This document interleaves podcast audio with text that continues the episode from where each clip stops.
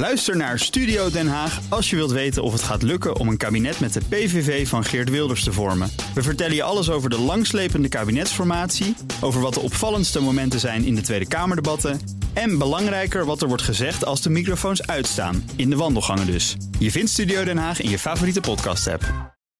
De column van Bernard Hammelburg.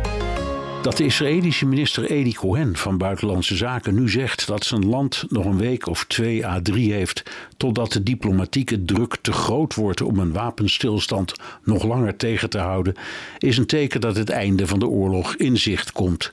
Klopt het bericht, weten we niet, maar dat deze lijdensweg een einde heeft, wordt steeds duidelijker.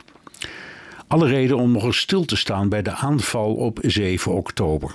Vorige week deed de New York Times dat met een onthullende analyse, mede aan de hand van interviews met Hamas-leiders. Daaruit bleek hoe minutieus Hamas de aanval had voorbereid en uitgevoerd, in de hoop dat Israël precies zou doen wat het nu doet: oorlog voeren.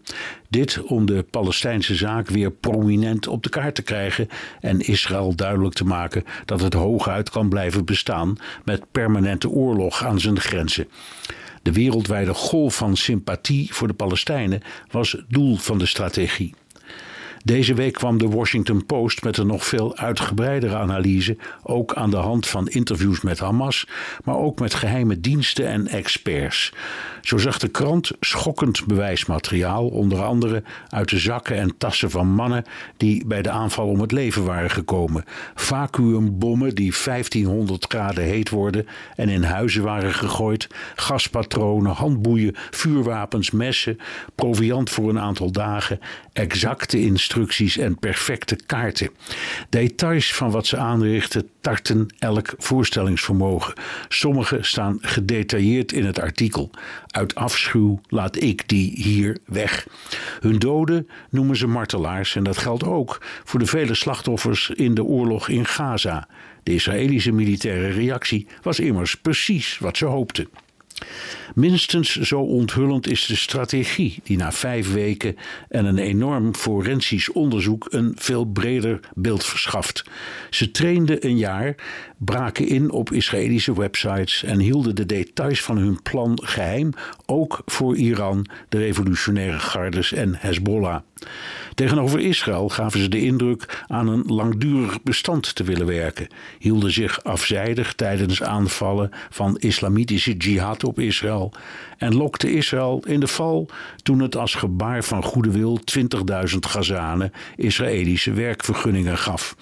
Het was hun paard van Troje. De bedoeling was ook om partijgenoten op de westelijke Jordaanoever te bewapenen en in de strijd te betrekken. Jordaanse agenten namen grote hoeveelheden gesmokkelde wapens in beslag, bestemd voor de Westbank, maar niemand weet hoeveel er tussendoor is geglipt. Het einde van de oorlog is in zicht. Reden te meer om het barbaarse begin en de doortrapte strategie niet te vergeten. Het gewetenloze monster schept er een satanisch genoegen in Israëliërs en Palestijnen op te offeren. En het monster heeft een naam: Hamas.